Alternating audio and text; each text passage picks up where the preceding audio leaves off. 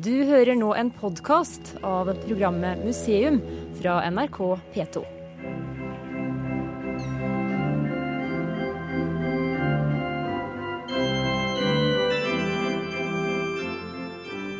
Gruver og steinbrudd har ofte vært tema her i museum. Fra Bømlo og steinalderens riolitt til 10 000 år gamle skiferbrudd i Alta. Og nissen og dvergene som bygger i berget i bakgrunnen her, skal vi komme tilbake til. Men først åpner vi denne lille nyttårskavalkaden med en tur inn i fjellet på Svalbard. Ja, men herrer, velkommen til eh, Svalbard lufthavn. Museum har landa i Longyearbyen på Svalbard. Stedet vi skal besøke ligger rett opp i fjellsiden ved flyplassen, og jeg kan se det fra flyvinduet. Vi skal til Gruve 3, en lavstrossegruve av den gammeldagse typen. Det vil si at gruvearbeiderne måtte krype med en arbeidshøyde helt ned til 60 cm, flere kilometer inn i fjellet. Denne gruva ble forlatt 1.11.1996, og siden har den stått helt urørt. Håvard Fjæringøy og Terje Karlsen skal nå ta oss med inn i det de håper skal bli et museum. Hallo. Ja, da er vi på MC-klubben. Gruve 3. Ja, jeg vil at du skal komme, ja. Fint. Ha det.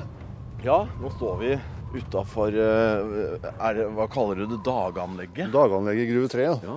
Det ligger jo et stykke over eh, overflata. Sånn 200-300 meter er vi her. Ja, hvis vi går litt fram på kanten her nå, så ser vi, ser vi ned. Her er det noen små jernbanevogner fortsatt. Ja, Det har snødd inn nå i vinter, og det er jo relativt værhardt her.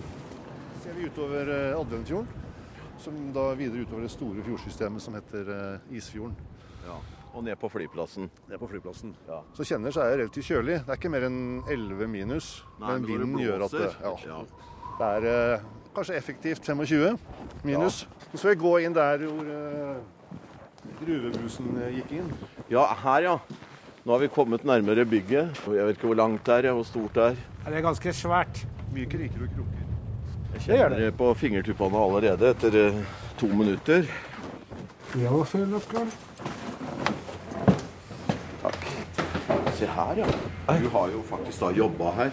Ja, har det. Jeg jobba her fra 1982 til i, ja, fram til eh, nesten det ble stengt da, i 96. Der vi står nå, da, var jo der vi kom inn når vi skulle komme kom på jobb. Da. Så her har vi prøvd å samle litt av de, eh, ja, den bekledninga som, som ble brukt i gruva. Eh, Det var jo gjerne Det var jo kaldt. Det, det er jo permafrost eh, året rundt. Ja, det må du minst være. og eh, spesielt på vinteren så, så var det jo kaldt. Eh, absolutt. Så det var godt og greit å ha god bekledning. Så det var som regel sånn Hellig Hansen varmdress innerst, og så en god kjeledress, og så da en sånn gruvejakke da utapå når man eh, farta ut og inn. Ser ut som det er liksom forlatt Ja.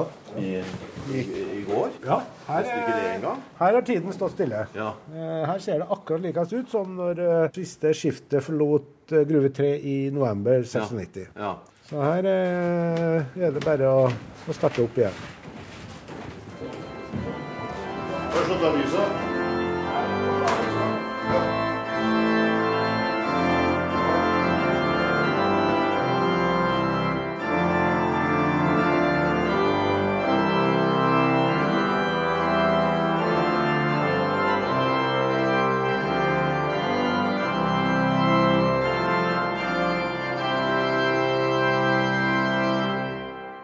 Ja, da har kollega Jan Henrik Ilebekk kommet inn i studio her.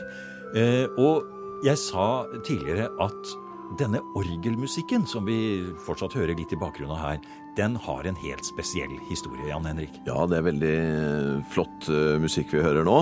Eh, jeg trengte til et program, et annet program om gruvedrift. Og da, var vi på Kongsberg. Og når jeg kom tilbake, så tenkte jeg jeg må ha litt musikk. Og lette etter nisser og dverger. Den melodien kjenner alle, så da De har teksten i huet, nærmest.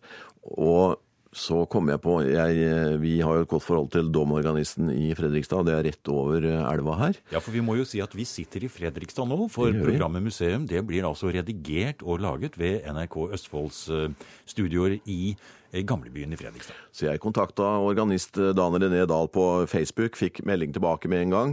Bare kom nå, jeg skal ha en begravelse litt senere, men vi rekker det. Jeg sykla ned til ferjeleiet og ferja over og bort til kirken og tok med sykkelen inn i kirken for sikkerhets skyld. Og eh, der satt han klar, og så spurte jeg er det den her, og så Så du fikk altså da domorganisten til å spille Ja. nisser og dverger Ja spesielt for museum i NRK P2. det var det vi gjorde der, og han syntes det var eh, morsomt. Og jeg, vi må ha et par-tre versjoner, sa jeg, og han tok jo selvfølgelig det fra huet og harmoniserte sånn som vi, vi hører det da.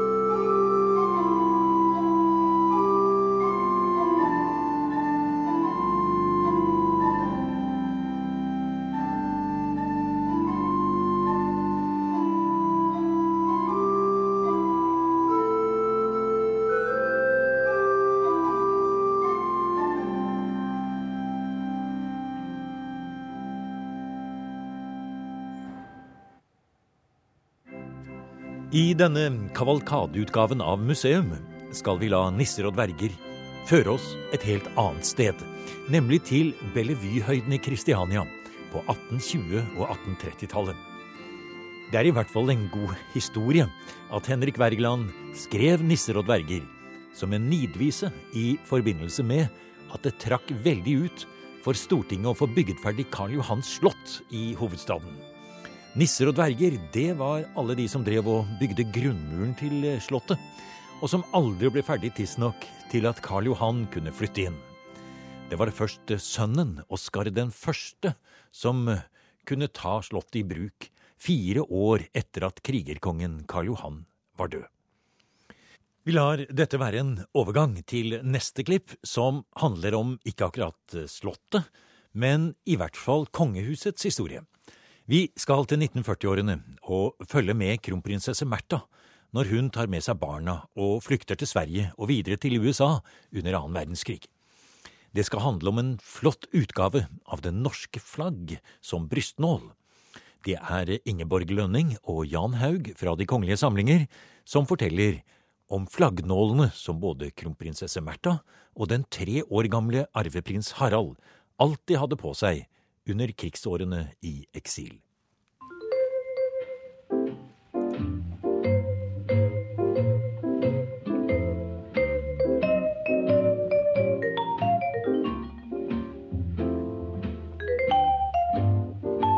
På Slottet i Oslo har De kongelige samlinger mange av sine magasiner og lagerrom i den restaurerte loftsetasjen.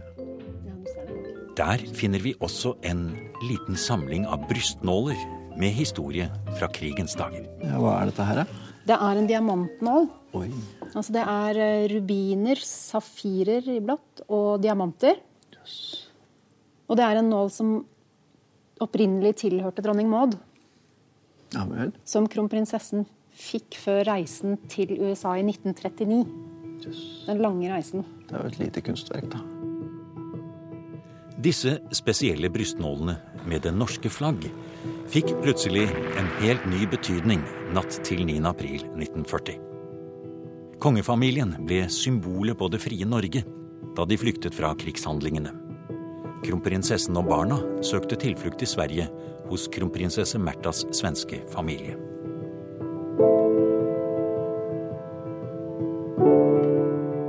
Her var hun tilbake hos sin familie. Märtha flyttet inn ikke bare med sine egne barn og tjenere, men også med sine egne foreldre. Hun kom så å si hjem til far og mor, prins Carl og prinsesse Ingeborg. Og her var det et sted å puste ut for eh, den norske kronprinsfamilien. Her ble da barna fotografert denne nydelige sommerdagen, og prinsessene står her med eh, badedrakter, og det er så å si stille i stormens midte. Da raser krigen rundt i Europa, men eh, barna, lilleprinsen, søstrene er her hvor det hersker totalt fred og fordragelighet. Og krigen er langt, langt borte. Men krigen skulle fort nok ta igjen de norske flyktningene på Ulriksdal. Etter noen få måneder måtte de bryte opp i all hast og starte flukten til USA. Med nistepakker fra slottskjøkkenet. Så her har vi kjøkkets hjerte. Og vi er så lykkelige så at vi har jo en eh, kollega som eh, er 96 år gammel, som har arbeidet som kokerske her en gang i tiden. Under andre verdenskriget. På 40-tallet. Ja. Ja, Eh, ja. Hun kommer bl.a. annat ihåg hur hun förberedde matsäcken, smørgåsene som de skulle ha med seg når de flydde härifrån. Og hon eh, kan også komme komma ihåg hur lille prins Harald eh, alltid bar sin norske flagge eh, på kavajen og eh, han var mye stolt over det.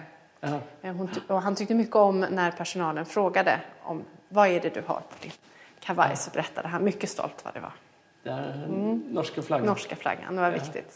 Han skärmade alle. Han gjorde det. Ja. Ja. Fra det krigsherjede England kommer beskjeden fra kong Haakon. Reis til USA og ta imot president Roosevelts tilbud. Helt nord i Finland, ved Barentshavet, ligger det amerikanske troppetransportskipet American Legion og venter på dem. På den andre siden av Atlanterhavet kommer de trygt i land på Manhattan. Der møter de verdenspressen på Waldorf Astoria hotell. All we Norwegians look forward to the day when we shall return to a free and independent Norway. Og lilleprinsen har flagget på brystet. Flagget som nå representerer det frie Norge og kampen mot okkupasjonsmakten.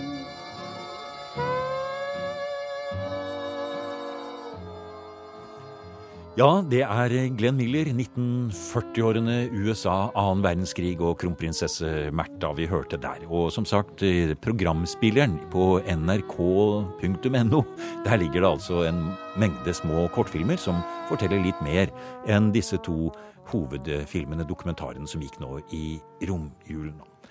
Men Jan Henrik, du har jo mange ganger brakt musikk og musikkhistorie inn i repertoaret til eh, museum.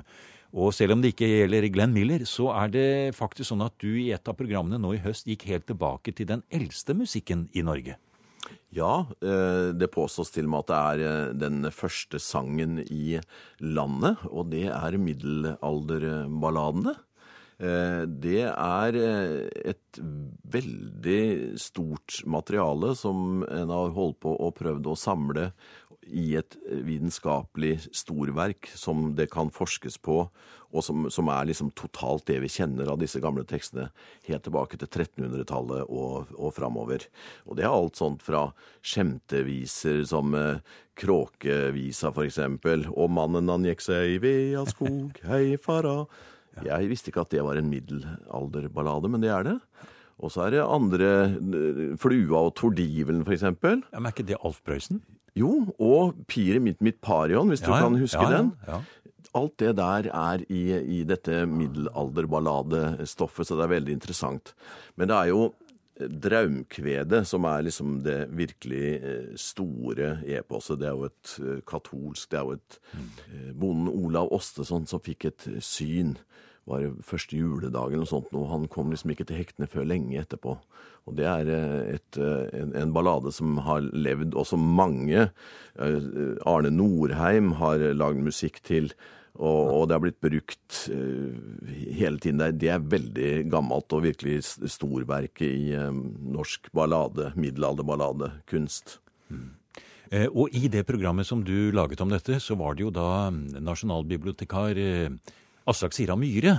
Eh, Han var også med å fortelle om det, men for han så var det ikke Draumkvedet, men det var en av de andre gamle historiske visene han siterte. Ja, det var vel eh, lita eh, Kjersti, men han var faktisk veldig orientert og har eh, hatt en veldig stor entusiasme, fortalte alle medarbeiderne på Nasjonalbiblioteket. Lite Kjersti hun var seg så fagert et viv. Det rinner og det bles. Langt nord i fjellom, djupt under hellom, der leika det. Foreldrene hans eh, sang ballader for ham, og han har sunget dem for sine barn. Lite Kjersti er favoritten. Nasjonalbibliotekets direktør Aslak Sira Myhre greier ikke å skjule sin store begeistring for det arbeidet som nå er sluttført. Dette er svært i norgeshistorien, og det tenker jeg er viktig. Vi er på 2010-tallet som er på nå, så er det faktisk en, vil jeg si, en slags bølge i Norge. Og det er at vi er i ferd med å få et mye, mye større tilfang til kildene fra vår tidlige historie enn vi har hatt før. Flatøyboka, som aldri tidligere er oversatt til moderne norsk, kommer ut øh, og blir tilgjengelige. Islandssagaene blir oversatt på nytt til lesenorsk. Heimskringa blir oversatt på norsk. Den eldre og den yngre Edda blir oversatt og gitt ut på nytt, og gis ut bredere enn noensinne. Og Samtidig så ser vi altså nå at vi samler inn alle middelalderballadene og gir de ut i samleverk og gjøre det tilgjengelige for alle. Og Dette er ikke stort bare for Nasjonalbiblioteket, dette er stort for Norge. fordi at vi gir da folk tilgang til vår eldste historie og til vår kulturhistorie, og som er ubrutt i 700 år her. Vil du meg lya i kvia vulkan, förmängd kvarn utan drängen, aldum han Olav hever sove så lenge. Og det var Olav Åstesson som hever sove Ja, det var Draumkvedet i et NRK-opptak fra 1955 med Knut Asche. I museum i dag så lager vi en liten nyttårsspesial hvor vi henter fram noen av de sakene museum har presentert i 2016. Og det kan vi jo si med en gang at planleggingen for 2017 er i full gang. Så hvis noen av museums lyttere har råd og tips til hvor kollega Jan Henrik Ilebekk og jeg bør besøke i 2017, så er det bare å skrive til museum.krøllalfa.nrk.no. Og Jan Henrik, når vi først eh, snakker om steder som vi har besøkt i året som gikk, så er det ett sted som gjorde et helt spesielt inntrykk på deg. Det er jo helt klart eh, Georgia i, eh, i Kaukasus. Eh, et land, fem millioner innbyggere. Veldig sug mot vest. Det var med Riksantikvaren, som samarbeider med Riksantikvaren i Georgia for å få tatt vare på kulturarven der, og den er virkelig stor og mangfoldig. Påvirka fra øst, vest, nord og syd. Masse kulturblanding. Veldig flott arkitektur. Og det er en del hus som Riksantikvaren i Norge har bistått til å restaurere. Men hovedstaden der, den har et veldig rart navn. Den eh, heter Tbilisi. Hva var det du sa nå? Tbilisi. Denne kakofonien er eh, fra Georgia. Opptak gjort i hovedstaden. Tbilisi. Tbilisi. Tbilisi. TBI Ja, uten i mellom de to. ja men konsonantene. sånn hvordan TBI. Tbilisi. Tbilisi. Ja, riktig. Vanskelig. Georgia er ett av flere land hvor Riksantikvaren er engasjert. Museum har tidligere laget program om prosjekter i Romania og Latvia. Prosjekter finansiert med såkalte EØS-midler, noe Norge er forpliktet til ifølge EØS-avtalen. For Georgia sin del er det Unesco som har anmodet Norge om å bistå. Altså Kulturarv eh, handler om ikke bare våre nasjonale kulturarv, men det handler om det vi har til felles. Og ikke bare verdensarven, som er det ypperste, men, eh, eh, men ikke minst eh, våre erfaringer. Så det å kunne lære av hverandre eh, Det er klart at eh, Norge er i så måte for til Georgia rimelig ressurssterke eh, på dette feltet ved at vi har et godt utbygget offentlig forvaltningssystem. Ved at vi har gode kartverk og gode databaser. Det som er spesielt spennende nå, er å kunne hjelpe Georgia til å forvalte sine kulturminner på en måte, ved å ikke minst eh, bidra med erfaringsutveksling til forvaltningen. Eh, Og så det å styrke forvaltningen, men med databaser og systemer, tre- treningsprogrammer, er jo helt grunnleggende ved siden av å restaurere viktige kulturminner. Så det, vi jobber, må jobbe på en bred måte. Da redder man flest mulig kulturminner. Georgia ligger på landområdet mellom Svartehavet og Det kaspiske hav, med kystlinje mot Svartehavet. Et kosmopolitisk kulturlandskap som har gitt landet mange utfordringer opp gjennom historien. Mannssangen vi hører i bakgrunnen, er et musikalsk særmerke for landet. Den spilles på restauranter, og den står på i minibussen som frakter Riksantikvaren med følge rundt i hovedstaden. Fortell litt om den bydelen vi er i nå. Den heter Betlemi? Den heter Betlemia, og det må jo, eh, navnet må jo være fra et annet sted vi kjenner, fra kristendommen. Um, Georgia er jo det landet etter Armenia som tok kristendommen først, på 300-tallet. Ble eh, kristendommen eh, formell religion her i Og her er våre venner. Her er våre venner. Hello, Hannah. Hi, how are you? Yeah. Good to see you. Good to see you. Friends, Jørn Holme, general.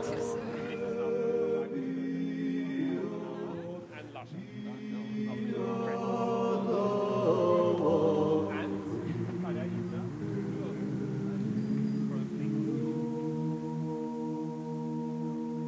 Ja, der hører vi kirkemusikk fra Georgia toner ut. Og det var ting du tok opp til museum mens du var der, var det ikke sånn? Ja, vi var eh, Riksantikvaren er veldig eh, interessert i kirkebygg.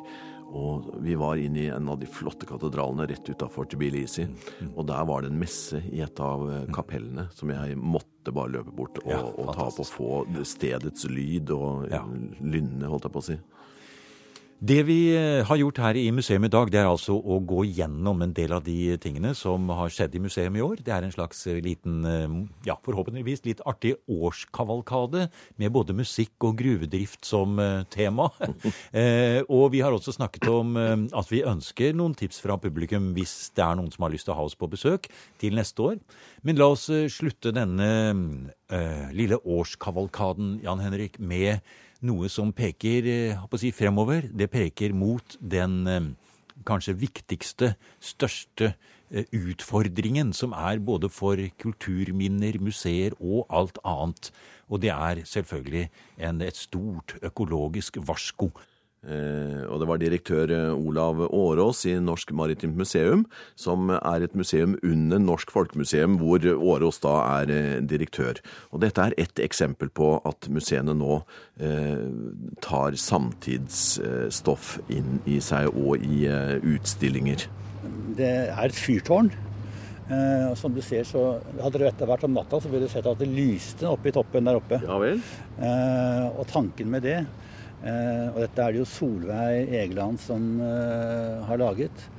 Det er jo eh, at dette fyret skal være, sende advarsler om de farene som truer havet. Og det er forurensningen. Og når du ser åssen det er bygget, så er det jo bygget nettopp av ting som er funnet i sjøen.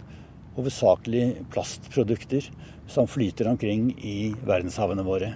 Her er det eh, masse trålrester. Det er eh, kuler som eh, trålerne bruker, og som ruller ned på bånd. Og det er fendere, og det er bøyer, og jeg vet ikke hva. Egentlig flott, litt morsomt å se på, men det er, det er jo ikke så morsomt symbol. Nei. Eh, og det er jo, er jo fare på ferde. Eh, og vi mener jo at eh, det er museenes oppgave også å gå inn i aktuell samfunnsdebatt og i den situasjonen som verden er oppe i. Er det noe som, eh, som skjer i vår tid, så er det at menneskene er i ferd med å forandre miljøet sitt, forandre sine omgivelser på en måte som vi ikke vet kommer til, hva kommer til å føre til eh, på lengre sikt. Eh, og skipsfarten er også en, en, en stor eh, synder i, i dette Ja, det er det. Og, og, men sær, og, og fiskeriene er det. Men, men det meste av det søppelet som driver omkring på sjøen, og som pøses ut gjennom kloakker og elver og alt, det er jo ting som kommer fra land. Det er der de kanskje de aller største farene ligger. Skal vi gå inn? Tar konservatoren oss inn i Se her, ja. Og hvis du ser på den veggen her, den er, den er skåret ut av Det er fiskekasser. Eh, og, som er drevet i land, som er funnet på strendene. Vi Eh, kaller den Wall of Shame. Ja, ja det kan du si.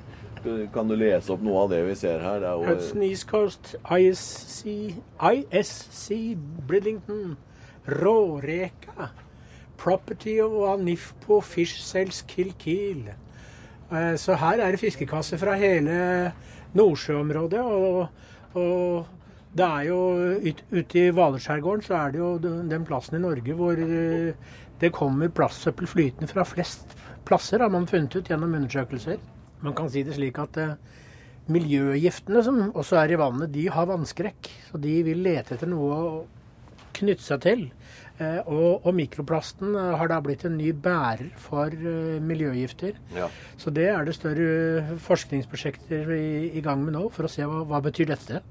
Eh, og ender det opp på tallerkenen vår til slutt, er jo spørsmålet man stiller seg. Det, det siste som kom nå, var jo den undersøkelsen om torsk. eh, Hvor vi ser at torskemagene er fulle av plast, eh, de også. Og det er en ganske uhyggelig utvikling.